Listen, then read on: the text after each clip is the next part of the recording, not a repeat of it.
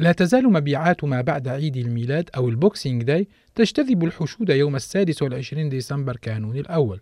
على الرغم من تراجع شعبيتها في السنوات الأخيرة لصالح التسوق عبر الإنترنت. وككل 26 ديسمبر كانون الأول يتنافس التجار في عروضهم الترويجية على بيع سلعهم القديمة مع اقتراب العام الجديد. ويحذر بنوا دوغي الأستاذ في كلية علوم الإدارة وأخصائي الاستهلاك في جامعة كيباك في مونريال من أن تخفيضات اليوم التالي لعيد الميلاد مجرد فولكلور. ووفقا له نجد أساسا سلعا غير مباعة ولا تطال التخفيضات نماذج العام الجاري.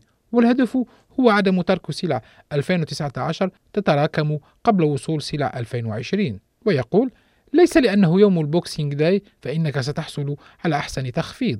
في بعض الأحيان تكون الأسعار أعلى قليلا من المبيعات الأخرى بين سبتمبر أيلول وأواخر ديسمبر كانون الأول كما يقول. وفي الواقع قدمت المتاجر تخفيضات في الأشهر الماضية عبر العديد من الحملات الترويجية. ويقول الأستاذ إن الغرض من عملية التخفيض هو دفع المستهلكين إلى الشراء وأمام هذا الكم الهائل من التخفيضات تفقد هذه الأخيرة جاذبيتها في أعين المشترين. ويحذر بنوا دوغي من أن نسبة مديونية الكنديين المقلقة لا تساهم في زيادة مبيعات ما بعد عيد الميلاد. وكذلك ضغوط دعاة الحفاظ على البيئة للحد من بصمتنا البيئية. ومع ذلك كشف استطلاع عبر الإنترنت نشره مجلس كيباك للبيع بالتجزئة اجتذاب هذه الفترة للمستهلكين. فإذا بلغ إنفاق مستهلكي كيباك مبلغ 2.2 مليار دولار قبل عيد الميلاد فلن يتجاوز 600 مليون بعد عيد الميلاد.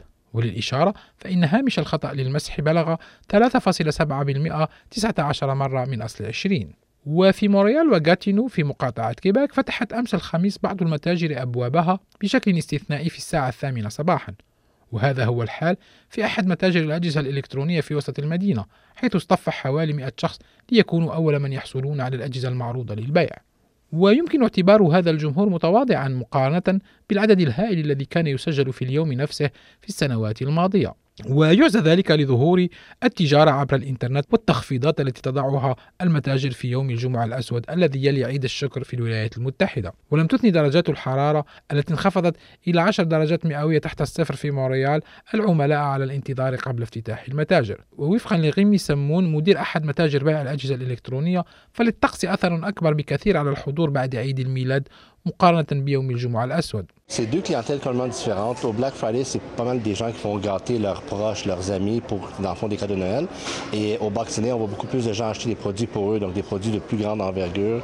Euh, ils viennent se gâter eux-mêmes avec euh, les cadeaux qu'ils ont reçus, les cartes cadeaux et l'argent, et ainsi de suite. Là.